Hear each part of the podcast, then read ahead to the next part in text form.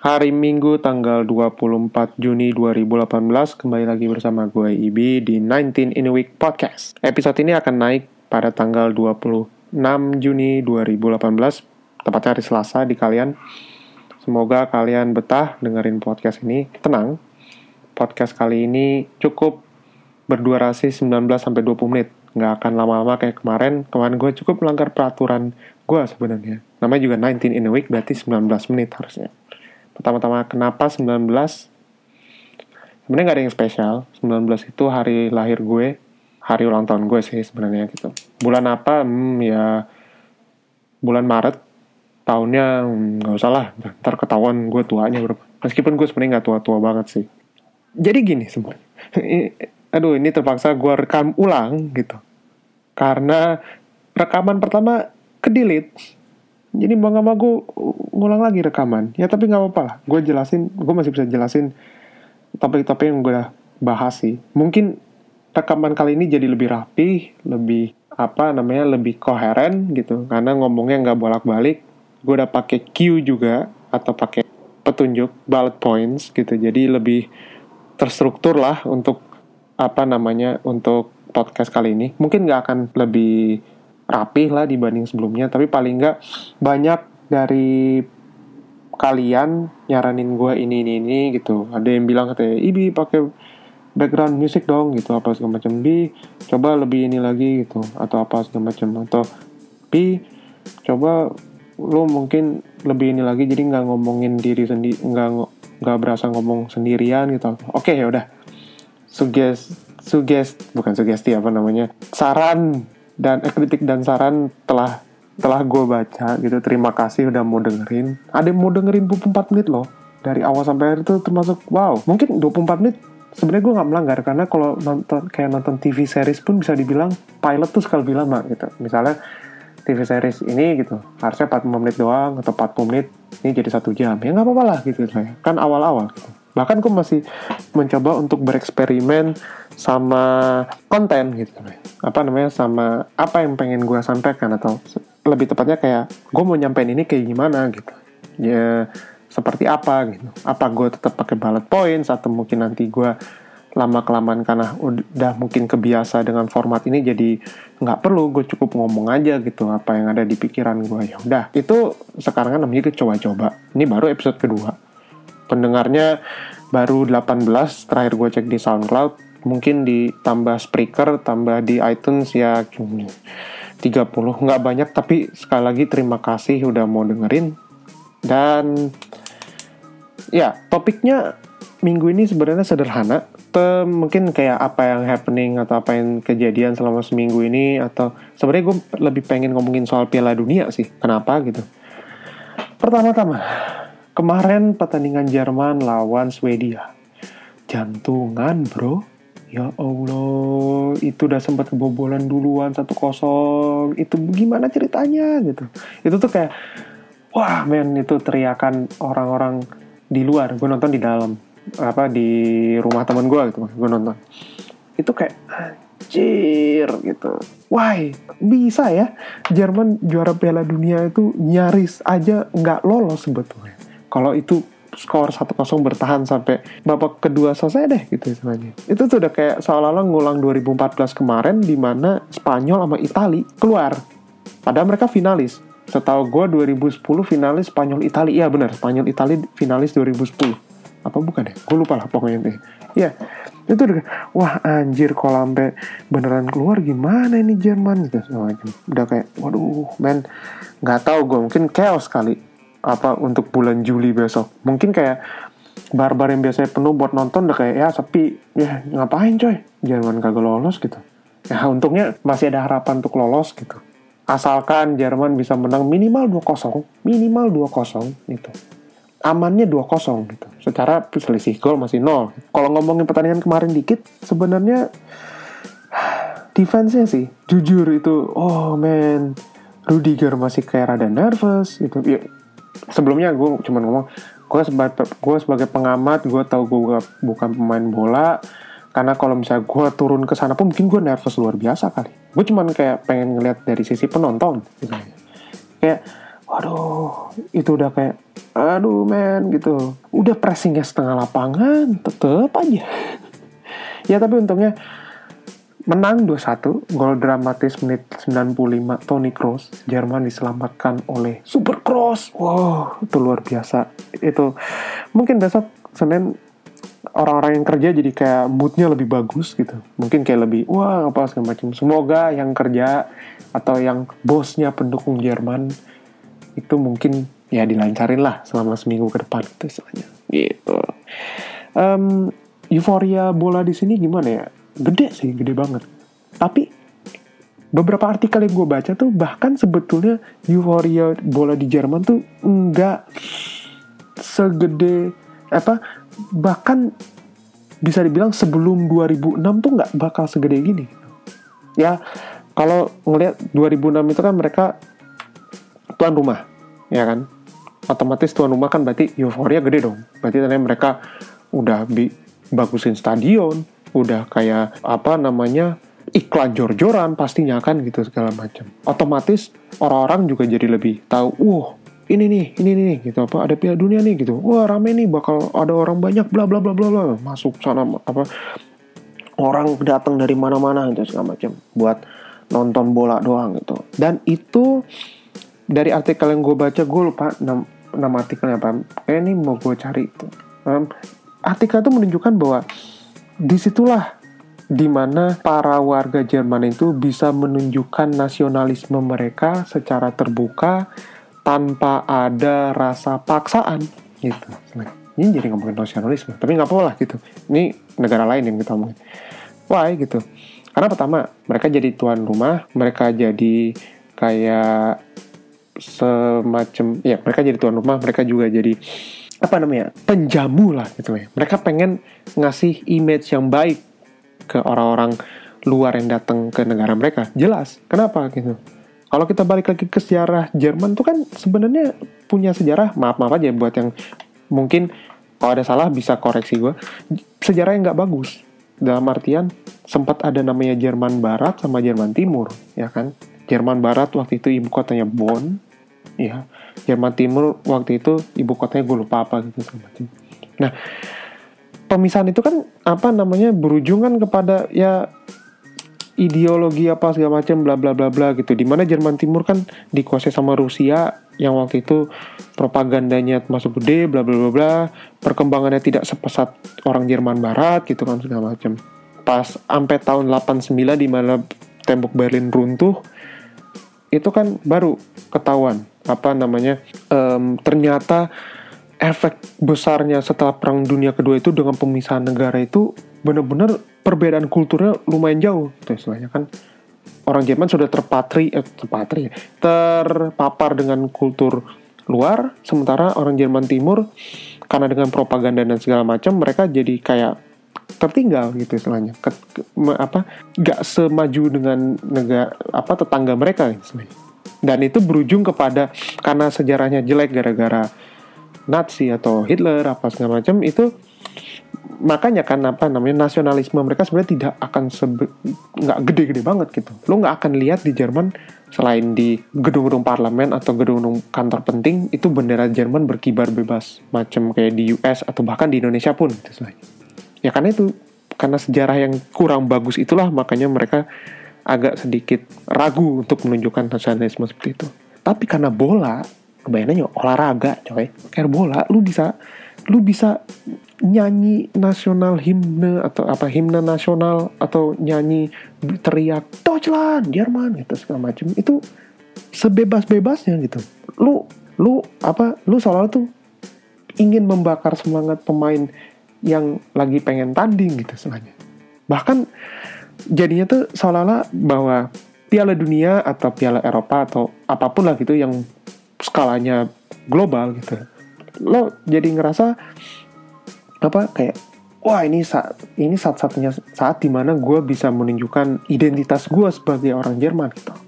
Itu yang artikel kalau saya artikel itu deh yang pengen nyampein gitu istilahnya. Hmm, apa pesannya seperti itu gitu loh. Nah euforia otomatis gede. Semua orang yang tadinya nggak terlalu suka ngomongin bola jadi ngomongin bola. Bahkan yang nggak pernah nonton bola pun jadi suka nontonin bola gitu. Karena mereka apa udah berinvestasi secara emosional terhadap tim negara tim kesayangannya masing-masing gitu. Ini nggak cuma berlaku buat berlaku buat Jerman orang Indonesia apalagi. Bahkan tanding kayak macam U23 pun atau U19 yang bukan tim senior aja kita bisa kayak teriak-teriak kayak eh go go go go kita segala macam kayak lo seolah-olah waduh ini harus dukung nih gitu. Bisa lah Indo gitu. Indonesia Indonesia. Ya nggak usah di bola bulu tangkis saja kita pasti gitu. Kalau nonton bulu tangkis saja juga pasti kayak deg-degan anjir ini gimana ini kok nggak maju-maju gitu macam. Ups tidak ada. Bukan bermaksud bilang tidak maju tapi tolong eh, persatuan bulu tangkis seluruh Indonesia itu WS-nya dibenah lah gitu. Masa cuma Gregoria dong gimana nih? Aduh. Ya jadi ngomongin bahas bulu tangkis malah. Balik lagi ke bola. Jadi pada intinya adalah olahraga bisa mempersatukan orang-orang yang tadinya nggak peduli dengan bangsanya sendiri. Gue nggak bilang orang Jerman nggak peduli dengan bahasanya sendiri. Secara mereka bangga dengan kultur mereka yang termasuk apa ya, beragam gitu setiap daerah di Jerman tuh berbeda ininya apa dialeknya cara mereka ngomong makanannya apa segala macem gitu, gitu. Bahkan di region yang tempat gue tinggal sekarang pun setiap orang punya setiap orang tuh bahkan bisa dibilang datang dari region yang berbeda-beda gitu kan. Dan itu apa bola tuh jadi pemersatu mereka gitu soalnya. Dan saking mungkin kalau balik lagi ke sejarahnya saking pem, saking kurang bagusnya apa namanya sejarah mereka tuh sampai-sampai bahkan setiap lu nonton bola dengan channel Jerman lu akan asal ada tulisan teks himne nasional teks lagu kebangsaan bisa dilihat di sini halaman sekian begitu karena nggak semua orang hafal juga dengan lagu kebangsaan mereka sendiri. Kalau di Indonesia beda dong. Di Indonesia lu tiap Senin upacara lagu nyanyi lagu Indonesia Raya. Ada acara bahkan kayak acara pil apa debat pilkada, pilpres apa lagi segala macam. Sebelum dimulai ada nyanyi dulu Indonesia Raya, ya kan? 17-an nyanyi Indonesia Raya. Ya gimana kita nggak hafal gitu. Ya kan? Gitu. Nah, di sini kan enggak. Di sini karena karena mungkin tingkat nasionalisme yang tidak setinggi dengan tidak setinggi dengan orang-orang Indo atau karena mungkin tidak begitu banyak dipraktekkan nyanyi lagu kebangsaan mereka secara rutin kan ya wajar aja begitu kan tapi bola menjadi pemersatu bola jadi penunjuk bahwa lo punya lagu kebangsaan lo negara lo sendiri gitu. dan itu menurut gue sesuatu hal yang sebetulnya kalau lu lihat kalau misalnya Indonesia kayak begitu itu bakal wah wow man uh, Indonesia uh, Indonesia dengan negara sebesar itu bersyukur loh orang-orang masih hafal apa lagu kebangsaan. Bayangin aja coba gimana kalau nggak? Ya gak mau ngomongin itulah sekarang tapi ya kalau ngelihat kayak macem di media sosial atau apalah gitu segala macem. Sekarang lagi banyak ngomongin soal apa ya namanya gue lihat terakhir kemarin tuh hashtag shit LPD LPDP awardee. Say gue tidak pertama gini sebelum gue berlanjut ke topik ini gue bilang gue tidak terasosiasi dengan lembaga mana pun yang ngasih beasiswa. Secara gue bukan penerima beasiswa itu. Bisa kita lanjut? Bisa? Oke okay, gitu. Bagus. Sip. Jadi gini banyak dari komentar hashtag itu sekarang gue apa maksud dengan hashtag itu protes karena um, lu ngapain? Apa um, di sana kerjanya foya-foya doang. Abis itu ada yang bilang juga apa namanya um, dapetin beasiswa tuh cuma nanti lu ujung-ujungnya kerja di luar negeri tanpa gini-gini apa segala macam gitu. Atau kayak misalnya kayak oh, lu masa iya sih nggak apa merasa kurang gitu itu segala macam. Udah tau lu dikasih gini ya makanya lu jangan ini ini gitu. Jangan kayak merasa kurang gitu apa segala macam. Ya negara udah ngasih lu segini ya lu harus ngasih balik dong gitu okay. gue tidak mau gue bukannya pengen meluruskan atau apa tapi gue cuman pengen bilang bahwa dari hashtag itu sendiri bahkan sebenarnya nggak berlaku nggak cuman berlaku buat penerima beasiswa itu aja tapi berlaku juga buat orang-orang yang nggak nerima beasiswa itu. Atau bahkan kayak gue sendiri. Bahkan di beberapa hashtag pun sebenarnya ada yang kena di gue kayak misalnya gue pernah bilang ih gue dong puasa 18 jam lu cuma 12-13 jam. Itu gue bahkan nulis sendiri di medium gue lu bayangin aja coba. Apa gue gak kena? Tapi gue gue tidak gue tidak menganggap itu sebagai hal yang di ofensif bahkan gue tuh oh iya. Gue nge-share karena gue pengen apa namanya meluruskan apa namanya meluruskan inilah. Kayak misalnya cukup meluruskan fakta gitu. Kayak misalnya oh di sini puasa lebih lama karena begini gini gini gitu. Oh di sini lu um, apa siangnya lebih panjang gitu gitu itu kan sebagai informasi aja gitu. Masa lu nggak boleh ngasih informasi begitu atau apa gitu. nah yang gue tangkap dari hashtag ini adalah kebanyakan orang-orang ini um, apa kebanyakan oknum ini oknum yang diceritakan ini bisa dibilang um, mereka tidak menggunakan uangnya dengan baik gitu. Kayak misalnya lu jalan-jalan mulu lu lu foya-foya mulu lu lu apa ini ini mulu lu gitu. Nah itu itu tuh semua balik lagi ke orang ya kembali lagi ke penerimanya gitu misalnya kalau penerimanya cara apa make duitnya bener dan mereka tahu cara gimana ya bisa bilang kayak dari dan mengalokasikan dana bulanan mereka ya kalau namanya jalan-jalan atau apa gitu ya itu hak mereka gitu. Lo nggak bisa dong apa namanya di sini belajar terus lu cuman kayak belajar belajar belajar terus tapi lu nggak ada refreshing atau lu nggak jalan-jalan sesekali lah dua bulan tiga bulan sekali apa apa lu nggak nanti otak lu kritik atau apa gitu sebenarnya? Enggak kan? Gitu. Ya itu kadang orang terlalu mengambil itu secara literal lah gitu sebenarnya. Apa istilahnya gitu. Um, terlalu kayak wah lu namanya belajar sana lu harus belajar lu gini gini harus nilainya. Itu wajib. Namanya juga lu dikasih namanya lu juga dikasih biaya sama negara lo ya lo harus bisa mengembalikan investasi negara yang ngasih lo beasiswa itu secara benar gitu ya bukan berarti tanya lu nggak nggak boleh jalan-jalan lu boleh jalan-jalan lu boleh kayak bersenang-senang tapi dalam ha, dalam dalam lingkup yang masih bertanggung jawab gitu. Lo tahu tanggung jawab lu seperti apa gitu. Dan dan gue gue gue tidak mendiskreditkan penerima beasiswa ini atau apa pun ya. Bahkan gue bisa bilang gue banyak kenalan penerima beasiswa ini yang balik ke Indo mereka bekerja sesuai dengan bidang mereka masing-masing atau sesuai dengan apa yang mereka kuliahkan di sini dan menurut gue mereka termasuk sudah apa dan menurut gue mereka sudah termasuk apa namanya e, mencoba mengembalikan investasi yang negara kasih gitu artinya terkadang permasalahannya adalah ada over generalization gitu yang kadang bikin jadi seolah-olah orang tuh apa namanya seolah-olah kayak oh lu ini nih udah apa namanya oh lu penerima ini ya berarti lu gini dong. Nggak bisa gitu gitu. Pada intinya adalah kalau lu bisa bertanggung jawab dengan kalau lu bisa bertanggung jawab dengan apa yang telah diamanahkan oleh negara, ya lu juga uh, mudah-mudahan lu sukses kok gitu selain. Serius itu itu tuh kadang hanya orang apa kadang hanya ini aja hanya bisa dibilang kayak lebih tepatnya mungkin ada pengalaman dari yang si treat starter ini gue nggak mau nyebut akunnya sih. Treat starter ini dia punya pengalaman jelek terhadap si penerima beasiswa ini. Oke okay, itu nggak masalah gitu. Dalam artian gini artinya lo main sos bukan main lo bersosmed ria lo juga harus tahu cara memilah informasi dong gitu. Artinya gak semuanya lu telan bla bla bla bla bla gitu. Lo harus telan semua, lo harus serap semua. Oh ya ya serap serap aku serap aku. Enggak gitu. Intinya adalah eh, lo lo bebas berpendapat, tapi lo juga harus bisa mengutarakan pendapat lo itu dengan baik gitu. Pada intinya adalah jangan sampai pendapat lo yang lo utarakan itu malah jadinya berujung kepada debat yang nggak ada ujungnya gitu ya kan gue berharap sih gini.